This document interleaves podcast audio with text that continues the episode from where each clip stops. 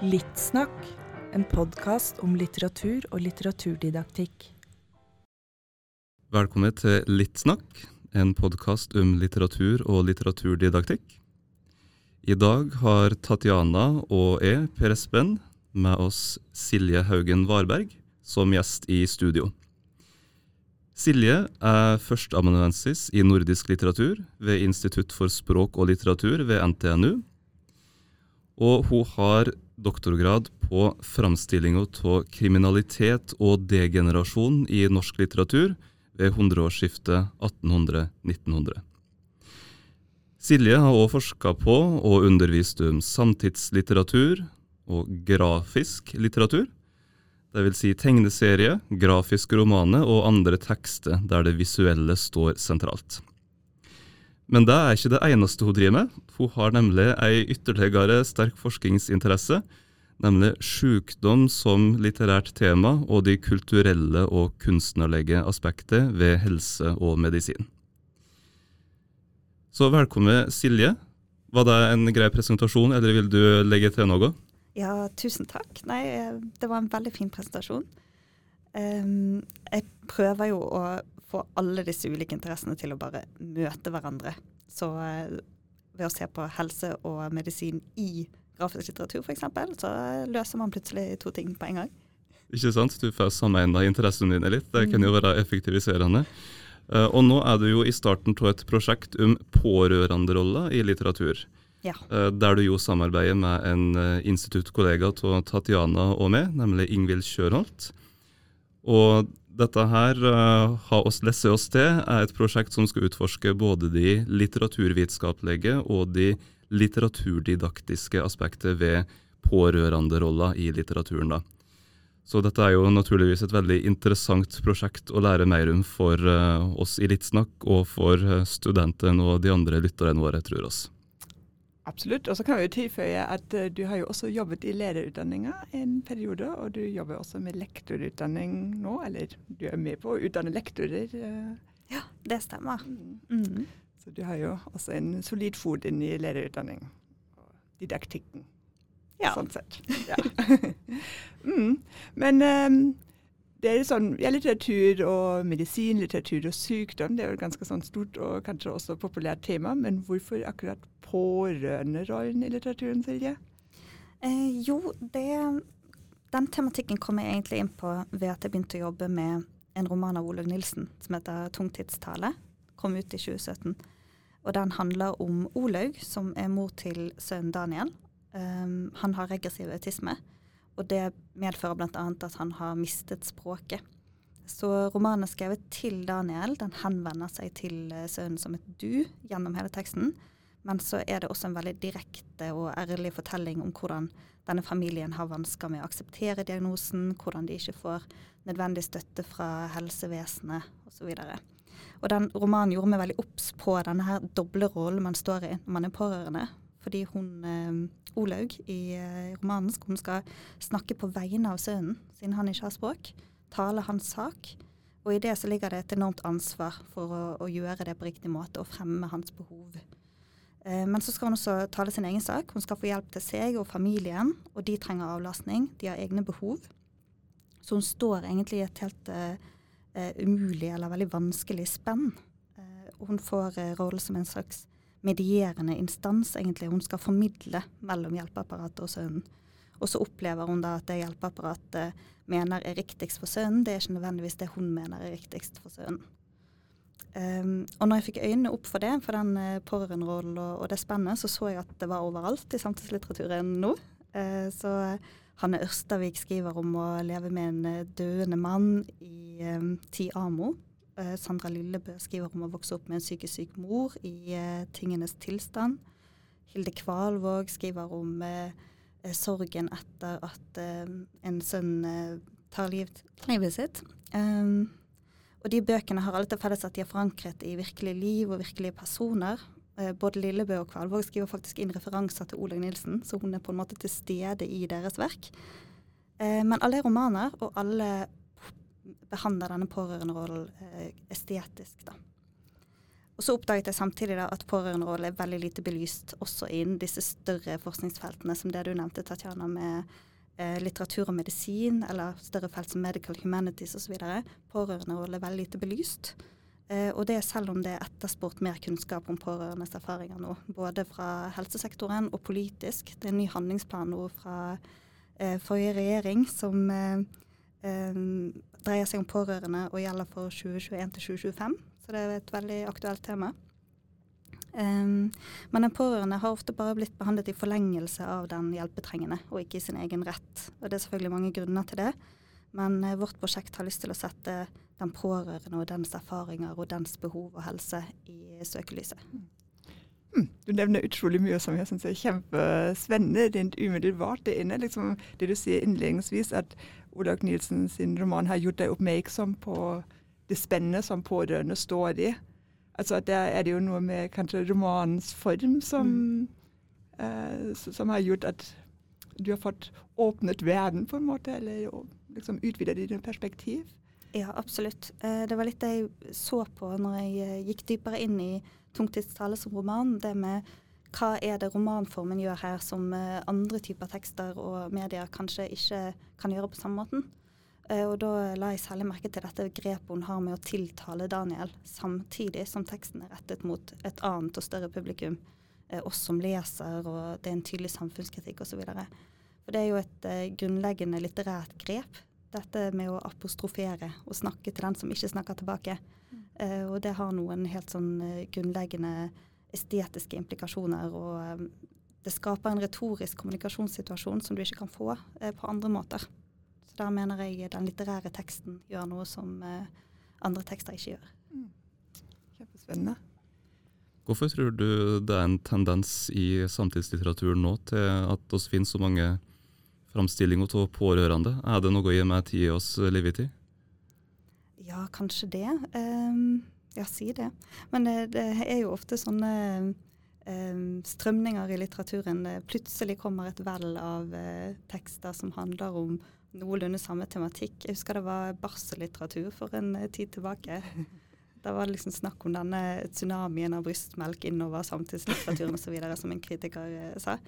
Um, og nå ser det ut til at det, det plutselig er, er, veldig mange tekster som handler om, um, om å være pårørende. Men det er kanskje en utvikling fra at det har vært mange tekster som handler om eh, å være i en vanskelig livssituasjon, og mange tekster som handler om relasjoner mer generelt. Og det ser vi her også, at det er mye eh, de nære relasjonene det handler om. Det er foreldre og barn, eh, både der barnet er lite, og der eh, man har vært barnet til en forelder som har vært syk.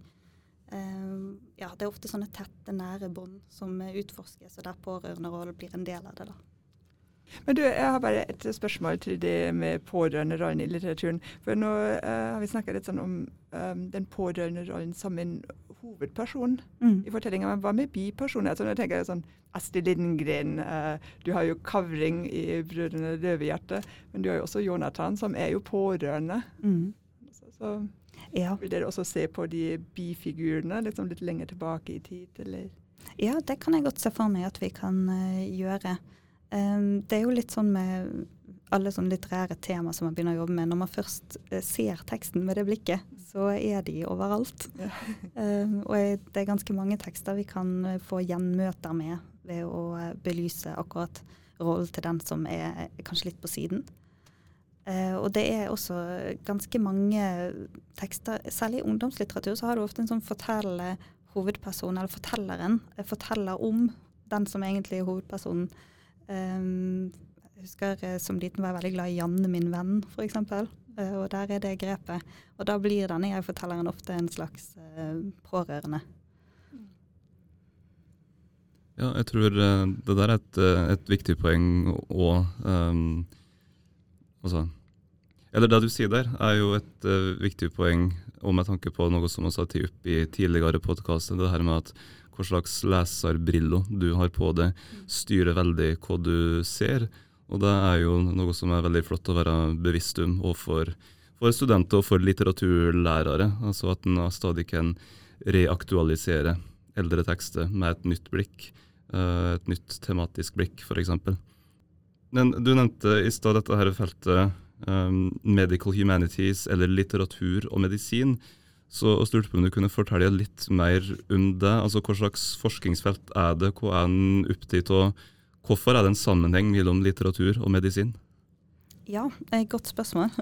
Eh, litteratur og medisin er et veldig stort eh, tverrfaglig forskningsfelt, eh, der man da på ulike måter studerer forbindelsene mellom det litterære og det medisinske feltet. Eh, og Da ser man ofte på dette med litteratur og medisin som en underkategori til et større forskningsfelt, som eh, ofte kalles health humanities eller medical humanities, som er en sånn eh, samlebetegnelse for hvordan flere ulike fagfelt interesserer seg for de forbindelsene til medisin. Og det, som med mange sånne tverrfaglige felt, så er det åget som forbinder litteratur og medisin. Det kan forstås på ganske mange måter eh, forskjellige måter å binde områdene sammen på. Det er faktisk ganske sjelden snakk om den likestillingen som det òg egentlig antyder. Um, for det kan være snakk om å se på fremstillinger av medisin i litteratur. Um, det kan være snakk om å tenke på litteratur som en form for medisin. Altså har litteratur terapeutiske funksjoner? Kan det tas med inn i en medisinsk setting? Eller omvendt, kan man se på medisin som en form for litteratur? Um, Roland Barth f.eks. mente at eh, det var eh, noen grunnleggende fellestrekk mellom det medisinske og det litterære som er å finne i semiotikken. For også innen medisinen må man fortolke tegn, kroppslige tegn og symptomer for å eh, konstruere egentlig sykdomsbildet som man skal behandle. Eh, og så kan man se på selvfølgelig en slags motsetning som dessverre har lett for å oppstå i sånne tverrfaglige felt. Altså er det litteratur eller medisin som er det som skal være det prominente, eller som gir de mest ektefølte eh, eh, Eller som gir de riktige inngangene til det man eh, behandler. For det er f.eks. mulig å fastholde at litteratur gir en tilgang på en subjektiv erfaring eller en empati som medisinfaget da mangler. Eh, og da blir det med en gang snakk om eh, ulike fagfelts eh, grunnleggende fagidentitet, og hvordan de opplever seg sjøl som, som fagområder. Det er ganske mye interessant der. Og noe som du har jobba med, som ikke så veldig mange innenfor den nordiske litteraturvitenskapen har jobba med, er jo nettopp dette med grafisk litteratur. Det er ikke så mange tegneserieforskere på Nordisk litteraturinstitutt rundt omkring, er mitt inntrykk. Men, men tenker du at, at, den grafiske litteraturen, eller tegneserielitteraturen, da, er noe, eh, noe spesielt? Noe som kan, kan, formidle eller framstille medisin og helse på, på en annen måte enn rent verbal litteratur? Ja, jeg tror jo at det, det, skjer noe spesielt i det samspillet mellom eh, tegning og eh, visualitet og tekst i eh, grafisk litteratur. Um, og feltet grafisk medisin er faktisk også noe som har vokst seg ganske stort eh, internasjonalt, men som ikke har fått så stor gjennomslagskraft her ennå. Eh, men som det bl.a. jobbes med på eh, biblioteket på St. Olavs hospital. De har en egen samling av grafisk litteratur som omhandler sykdom. Eh, og de som forsker på det feltet, mener at det er noen helt eh, eh, spesielle måter det visuelle kan hjelpe til med å uttrykke kroppslige erfaringer på, spesielt. at du får en måte å f.eks. Tydeliggjøre noe som ellers ofte er metaforisk eller billedlig, fordi du rett og slett kan fremstille det fysisk på siden. Um, og andre eh, Det er selvfølgelig mange andre særtrekk ved grafisk litteratur også. Men at det har en spesiell måte å kommunisere innholdet sitt på, det eh, er tydelig. Mm -hmm. Det er jo et sånn uh, gjennomgående i det du sier, er jo at det er noe sering med den litterære formen og, og medie, mediumet. Mm. Litteratur som medium. Og dere bruker et sånt begrep, remedium, ja. som Ingvild Hagen Kjørholt har har på en måte preget mm. eh, som begrep. Kan du si noe om hva det er? Eh, ja, eh, remediumsbegrepet er et begrep som, eh, som Ingvild lanserte i en artikkel som egentlig handlet om responser etter terrorangrep. Terrorangrepet i Paris på Charlie Hebdo og 22. juli her i, i Norge. Um, og det er et begrep som har tre betydningslag rent um, etymologisk, uh, som uh, vi på en måte samler sammen i dette ene begrepet. For remedium kan peke mot remedium i betydningen legemiddel. Det kan peke mot et redskap som kan brukes til noe. Og det bærer i seg dette med medium og det å remediere, som vi syns er viktig. Så når vi bruker det begrepet, så ønsker vi å peke på at, at litteraturen kan eh, ha en eh, funksjon. Den kan brukes til noe. Eh, og den kan brukes til noe som er helsefremmende, eller som har med helsearbeid å gjøre. Den kan fungere som et remedium. Eh, men også at vi, vi, ikke kan snakke om det uten å ta avsats i litteratur som medium. Og det som er helt mediespesifikt med den litterære og estetiske teksten. Um, det handler bl.a. om måtene en litterær tekst vil remediere et innhold på. Så um, hvis vi går tilbake til uh, Olaug Nilsen og tungtidstale, bare fordi det er et eksempel jeg har present, så uh, skriver Olaug der mye om videosnutter som hun viser fram til helsearbeidere, for å vise at sønnen hennes var normal helt fram til han var to-tre år gammel at han hadde språk, at han kunne synge, at han kommuniserte. Og at hun mener at noe har gått tapt etter det. Og det vil på en måte ikke hjelpe eh, Eller det vil ikke de hun møter i helsevesenet alltid akseptere. Så de ser noe annet enn hun når de ser på den samme videoen. De ser um, at han var i ferd med å bli syk, og at han allerede hadde en, uh, en avvikende atferd. Um, men det at hun beskriver disse videoene og innlemmer de i fortellingen sin i romanteksten, gjør eh, at det er noe helt annet enn om vi f.eks. bare hadde fått se videoen. Om den var lagt ut på YouTube eller delt med oss på en annen måte. Um, så ville det vært noe helt annet. Men når den remedieres til et litterært språk, innbakes i den fortellingen, uh, blir del av hennes uh, tiltale til Daniel, men også til oss, så har det skjedd noe. Uh, og det er det vi mener at litteraturen gjør, da. Den endrer. Jeg føler Det er så spennende, for derfor har du egentlig sånn tre, tre, tre blikk på det, den videoen. Både mm. Olaug som karakter, Olaug som forteller, og så uh, medisinske hjelpeapparatet som har sin egen fortolkning. Sånn at du får en sånn slags flerstemthet. Ja, det det absolutt. Uh, og alt dette mens du som leser egentlig bare ser for deg denne videoen som du aldri har sett. Mm. Det er kanskje også spennende at uh, Tungtidstale på et vis så remedierer jo den tittelen og et veldig kjent dikt, ja. altså av Haldis Moren Vesaas, som jo i seg sjøl var en respons på, på okkupasjonen. Mm. Så i og med at remediumsbegrepet, som du forklarer det, og kan dreie seg om eh, responser på andre traumatiske hendinger, som terror, så, så er det jo interessant at, at Olaug Nilsen nå trekker mm. noen tråder mellom det å være det å være okkupert, eller det å være i en slags nasjonal krisetilstand, og det å være i den krisetilstanden som, som familien er. Og at den tittelen i seg sjøl på et vis er mm. remediering. Så, Absolutt, mm. den er det. Og det endrer seg veldig når man går tilbake igjen til tungtidstale av Haldis Moren Vesaas etter å ha lest romanen. Så fremstår også det diktet veldig annerledes når man eh, leser det i lys av en helt nær relasjon, i stedet for eh, denne samfunnskonteksten man ofte ser det i så blir imperativene i det diktet de kan bli eh, direkte truende. Altså alt det din bror eh, trenger, må du gi, osv. Um, ehm, det er et sånt eh, krav som samfunnet ofte stiller til nettopp de som er tett på noen som er hjelpetrengende.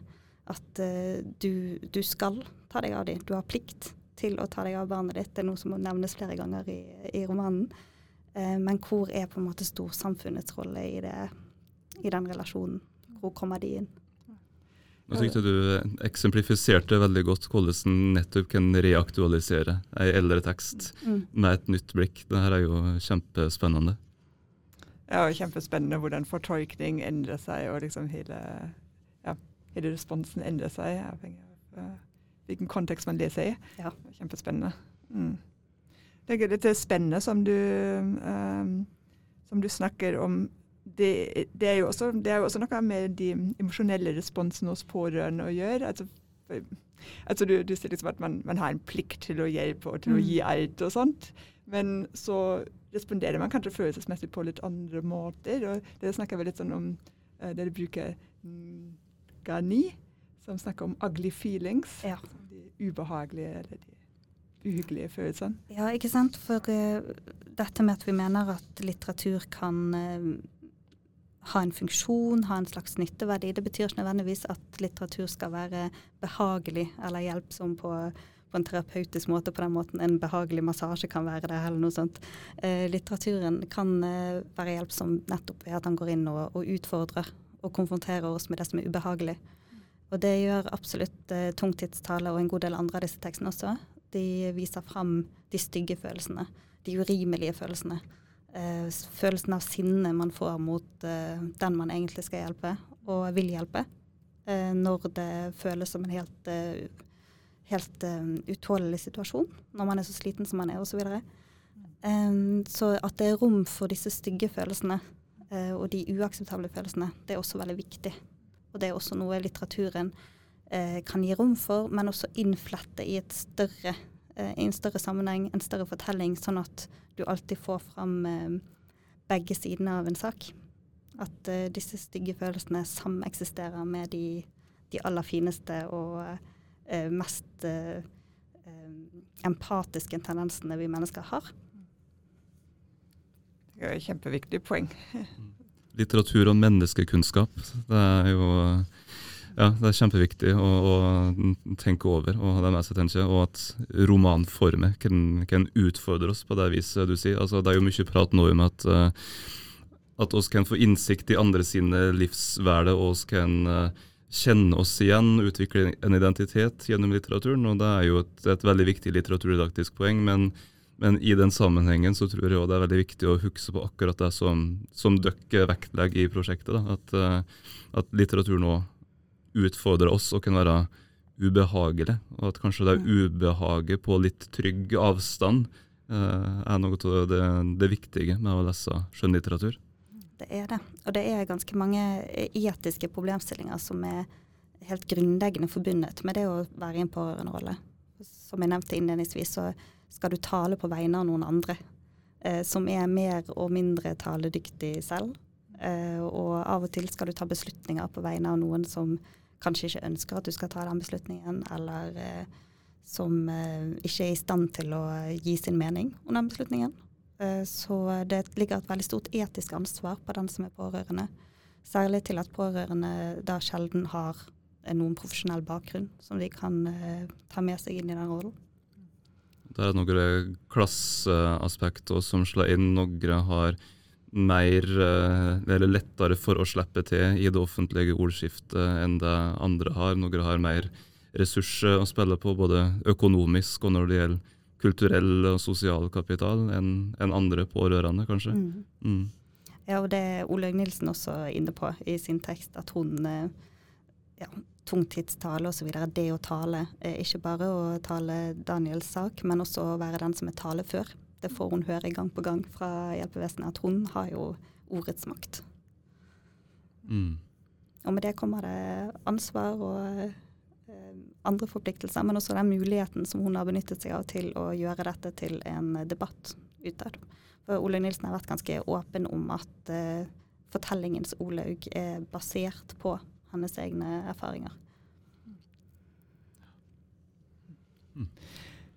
Noe som jeg syns er liksom, i et sånt didaktisk øyemed er veldig viktig og spennende med deres prosjekt, er uh, nettopp det som, som, er med dette det mediumsbegrepet, som både bruker litteraturen som et redskap, uh, men også som noe sånn slags uh, sånn medisin. men det er det det også vektlegger, det estetiske. Så det, det, det, er jo en måte å ta vare på um, på det spesifikt norskfaglige på også. altså jeg tenker det som norsk didaktikk her. Um, og dere skal jo utlyse to ph.d.-stillinger. og Den ene er en didakt, knyttet knytta til norsk didaktikk. Mm. Uh, og da skriver dere dere spesielt opp mot um, folkehelse og livsmestring, dette tverrfaglige temaet som har kommet inn i den nye læreplanen. Og det er jo nettopp en utfordring at um, man kanskje tenker veldig fort tematisk. Nå Mm. bruker jeg en tekst for å snakke om uh, sykdom, eller snakke om hvordan det er å være pårørende. Mm. Um, kan, kan, du si noe om hvordan dere tenker den uh, didaktikkbiten i prosjektet? Eh, ja, eh, jeg tror jo at mange lærere ser at det ligger store muligheter i litterære tekster opp mot dette tverrfaglige emnet. Eh, og at det ikke er det å finne aktuelle tekster som er problemet, men eh, at man kanskje føler en motstand nettopp fordi tekstene kan gå så eh, dypt inn i også de eh, sterkt emosjonelle og eh, ofte vanskelige, tidvis tabubelagte delene av eh, den erfaringen. Um, og dermed er man over på det man gjerne omtaler som vanskelige tema, eller tabubelagte tema, som det kan være vanskelig å ta opp i et klasserom. Uh, man kan være redd for at det sitter noen i det klasserommet som uh, blir rammet ekstra hardt av det vi, man snakker om. Eller man kan være redd for at samtalen skal dreie vekk fra teksten og bli eh, litt for subjektiv. At eh, klasserommet skal bli et slags eh, dårlig terapirom eh, der man egentlig ikke har de ressursene som skal til for å følge opp. Um, og Det er derfor vi tenker at det er helt essensielt her å balansere det tematiske som du snakker om, Tatjana, med eh, det estetiske. Og dermed også med eh, litteratur som medium og litteratur som form. Um, det å bli bevisst på at det er, det er noen litterære grep her som gjør fortellingen mulig på akkurat den måten. Um, og å holde seg litt til teksten, ikke bare bruke den som avsatt for å snakke om et tema mer generelt, men å, å finne um, de refleksjonene over emnet i teksten selv ved å gå enda dypere ned i den, uh, snarere enn å bruke den som springbrett til å snakke om noe som er utenfor teksten. Ja. Um, og da håper vi at dette remediumsbegrepet kan hjelpe til med å holde fokus på, på de aspektene ved teksten som vi ønsker å, å fremheve. Da. En annen interessant ting med remediumsbegrepet, slik du presenterer det, er jo at det òg gir eh, utgangspunkt for å utforske tekster i tilknytning til den teksten. Altså, som med eksempelet ditt i stad, å gå tilbake til Haldis Moren Vesaas og bruke det som, som et, et, verktøy til å komme enda dypere inn i hva Olaug Nilsen skriver om, og, og hva slags erfaring de framstiller, og hvordan de framstiller det på, på ulike vis. Og da er jo nettopp da går en jo nettopp dypere ned i teksten via noen intertekstuelle eh, koblinger. Ja. Så man kan eh, holde seg i det tekstlige ganske lenge, og likevel få snakket om de samme typene emner og de samme typene problematikk, men eh, kanskje gjør det litt tryggere, fordi det er satt noen rammer rundt eh, temaet. Og man kan snakke om det via noe annet, via teksten eller via litterære erfaringer og litterære karakterer, i stedet for å investere for mye av seg sjøl, kanskje. Jeg tror jo det er et viktig slik overordna tema du er inne på her, som gjelder alle de tverrfaglige temaene og alt annet temafokusert arbeidet i norskfag, norskfaget, um, som handler om at, at, at en kan utnytte den litterære tekstet som form, og at en kanskje til og med kan finne nye innganger til eksisterende tekster. Fordi ofte så tenker en jo, som Tatjana sier, at en må finne ei tekst som tematiserer bærekraftig utvikling eksplisitt, eller som tematiserer medborgerskap eller folkehelse på et eller annet eksplisitt vis. Men, men hva hvis en i stedet som, uh, som litteraturlærer eller litteraturforsker tar på seg et sett med briller og prøver å, å, å utforske hva ei ei, eller ei eksisterende tekst, eller en tekst som en kjenner godt fra før. Hvordan den blir seende ut hvis en tilnærmer seg den med et annet blikk. Uh, det tror jeg er et kjempeviktig overordna poeng for, for norske lærere og andre litteraturlærere. Absolutt. Jeg syns det var sånn interessant det med liksom å bore seg lenger ned i teksten istedenfor liksom å bruke det som springbrett. Um, for det, det, gjør jo Du har jo sagt det, men det gjør jo litteraturen til en sånn veldig sånn en trygg ramme, der man kan utforske sine følelser og sine responser og emosjoner, og kan Nesten som en sånn slags rollelek. Ja. Ja. Mm. Ja, jeg tror det. At uh, det er veldig mye å hente i den litterære teksten, som man, men som man trenger da, analytiske verktøy og uh, tid og um, en, uh, noen solide rammer rundt samtalen for å oppnå. Og det er der læreren kan gjøre en veldig god jobb med å legge de rammene. Um, sørge for å styre en litterær samtale i de riktige retningene. eh, legge fram noen verktøy som kan tas i bruk. Eh, ikke på den måten som eh, vi så før i tiden, der læreren har på en måte sin lesning, og den skal overføres. Men at eh, læreren har gjort seg noen tanker om måter å holde seg i teksten på, og grep i teksten som kan få noe til å skje med den teksten, sånn at den kan åpne seg opp på en annen måte. Og så introdusere de verktøyene eller grepene på riktig sted. Da. Og så kan det, Så tror jeg at elever i veldig stor grad både har interesse for og, og mulighet til å, å se de mulighetene eh, når de kommer inn i det på riktig måte. Jeg tror eh, det å utfordres med det litterære bare er positivt. Eh, Har du undervist i medisin og helse, eller undervist spesifikt om pårørenderoller på nordisk studie? Eh, nei, ikke foreløpig. Jeg har eh, forelest eh, eller undervist litt om litteratur og medisin tidligere. Jeg hadde et, eh, emne, et fordypningsemne om eh, grafisk litteratur. Og der så vi på eh, særlig psykisk helse, og hvordan det var fremstilt i, i tegneserieromaner. Eh, så da jobbet vi litt med den typen problemstillinger. Kan du si litt om eh, hvordan studenten responderte på det, eller hvordan det fungerte å bruke den typen grafisk eh, litteratur i, i undervisningssammenheng? Eh, Jeg var faktisk litt spent eh, på forhånd, fordi man tross alt ikke har så mye bakgrunn fra det å lese både visuelle og verbale tekster på Nordestudiet. Der man holdt seg ganske jevnt til verbal tekst fram til de tok det fordypningsemnet. Men det viste seg at leseteknikkene i seg sjøl er veldig overførbare. Eh, Og studentene hadde en sånn intuitiv eh, måte å tilnærme seg den analysen på, som eh, gjorde at de fikk veldig mye ut av tekstene allerede fra dag én. Og så etter hvert som vi fikk introdusert flere og flere begreper til å håndtere tekstene med, så kom det frem stadig mer. Jeg tror det er et av de emnene jeg har lært mest av selv også, bare i dialog med studentene om enkeltoppslag og sider og den tematikken. Så det er ikke bare at dette kan fungere godt sånn for uh, elever i uh, en videregående klasse eller en ungdomsskoleklasse, men jeg tenker at det fungerer faktisk på, på alle nivåer. da. Det synes jeg er et kjempespennende sånn, poeng. egentlig, altså At man som lærer, som fagleder, som lærer i skolen også går inn uh, på, på utforskende vis. Og tenker liksom at også elevene eller studentene har noe å tilføye. Så at man lærer i lag og utforsker i lag. Det synes jeg er kjempefin tilnærming. Jeg lurte på um, når dere utlyser stipendiatstillinger, altså det, eller denne didaktikkdelen av prosjektet, hvordan skal den se ut rent sånn konkret? Hva er det materialet dere skal jobbe med? Er det klasseromsforskning? Er det eh, tekster? Er det, ja. Eh, Foreløpig er det veldig åpent. Eh, vi, har, eh, vi skal straks til å utlyse de to ph.d.-stillingene.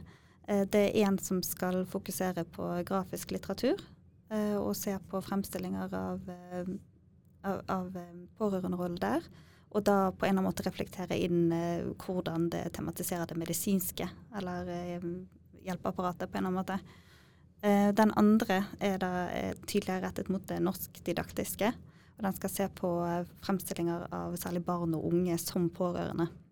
eh, Som er et eh, stort felt, og et som det er etterlyst mer kunnskap om. Fordi det er dessverre mange unge som er pårørende, og de får i liten grad eh, hjelp og støtte. For de er jo ikke regnet som reelle pårørende fra et eh, institusjonelt hold. Det kan du ikke være før du er 18.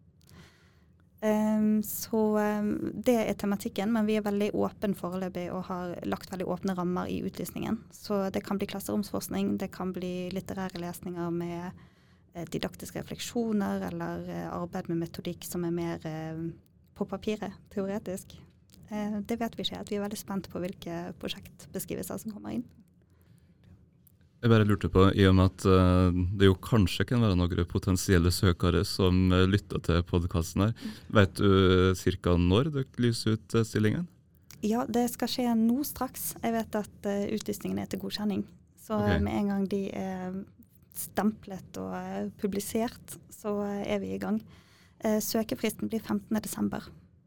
Ja. Uh, og hvis noen vil ha prosjektbeskrivelse osv., så, videre, så er det bare å ta kontakt med meg med en gang på silje.varberg.krøllalfa.ntnu.no. Da håper jeg alle potensielle forskerspiro fikk med seg det. Dette her blir to veldig spennende stipendiatstillinger.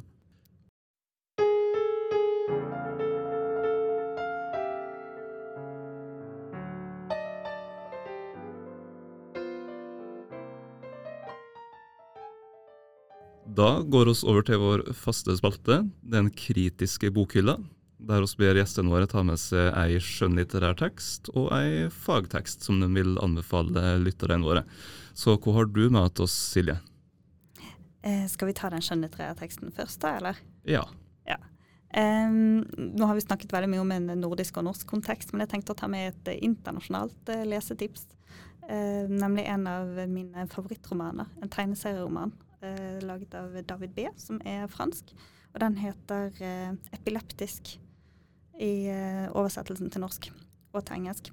Um, den handler om eh, Den er ganske selvbiografisk. Handler om David som vokser opp med en epileptisk eh, storebror og eh, hvordan det påvirker eh, hele familien.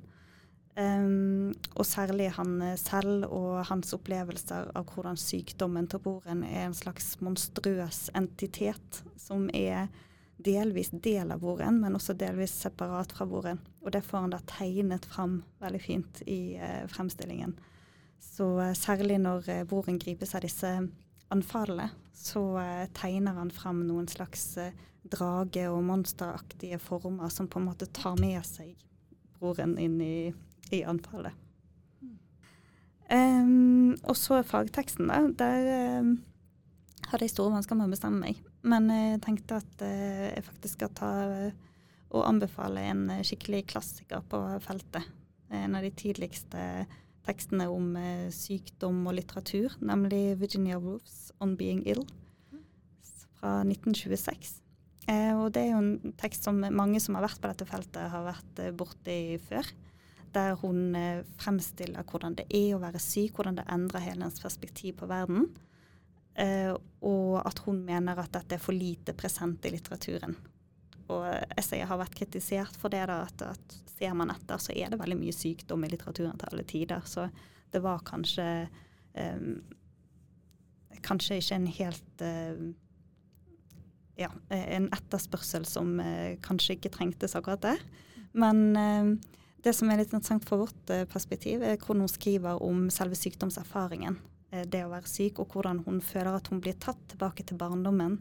Spesielt når eh, andre begynner å ta seg av henne. Så de pårørende for hun, rundt henne, de får hun til å føle seg som barnet som får den udelte oppmerksomheten til sin mor, og det er den største trygghet. Så det er et veldig sånn fint bilde av de pårørendes rolle. Eh, for det Virginia Woolf virkelig får fremhevet i det essayet, er nettopp eh, Den fundamentale endringen som kommer med sykdomserfaringen. Bare det å ligge ut på sengen og se ut i værelset blir annerledes fordi du ligger på rygg. Helt eh, enkelt sagt. Men også fordi du, du plutselig kjenner kroppens begrensninger på en helt annen måte. Du er, tar del i verden på en helt annen måte når du er syk, enn eh, når du eh, ikke har eh, hemmende helseplager. Og hun får fram det veldig godt, og hun minner oss på at sykdom og det å være pårørende, det er noe som gjelder absolutt alle. Alle mennesker vil selv ha helseproblemer på et eller annet tidspunkt, og de vil være tett på noen som har det. Sånn er det bare, hvis du lever et, et fullt liv. Og um, det gjør det til en helt grunnleggende allmennmenneskelig erfaring. Og der har eh, Virginia Woolf kanskje et eh, poeng når hun sier at det er litt rart at den erfaringen av å endre seg, som kommer når du eh, er syk, eller når noen, rundt deg blir eh, veldig syk, at den er såpass lite behandlet, såpass lite del av eh, det vi snakker om og det vi skriver om. Um, selv om um, det er en sånn utbredt uh, forestilling om uh, kvinner som sitter ved kaffebordet og snakker om sine helseplager, så uh, snakker vi kanskje fremdeles i liten grad om hvor livsomveltende disse situasjonene er. og der tror jeg litteraturen kan være en inngang igjen kanskje til å få lagt frem denne typen tematikk uten at man eh, skal sitte ved alle kaffebord og snakke om eh, sitt helt nye perspektiv på verden. det, var, det, var, en bra avslutning. Veldig bra avslutning. Jeg tror vi bare setter punktum der. Ja. ja. Tusen takk, Silje. Tusen takk.